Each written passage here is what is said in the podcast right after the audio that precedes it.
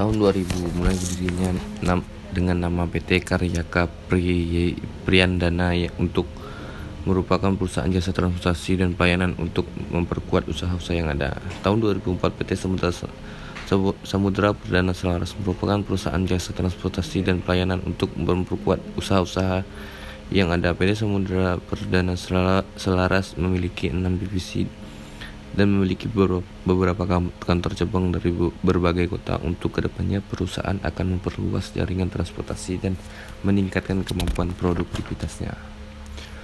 Visi dari perusahaan tersebut menjadi visi menjadi perusahaan MKL yang handal, terpercaya dan selalu mengutamakan kepuasan customer terhadap ketetapan dan kecepatan pelayanan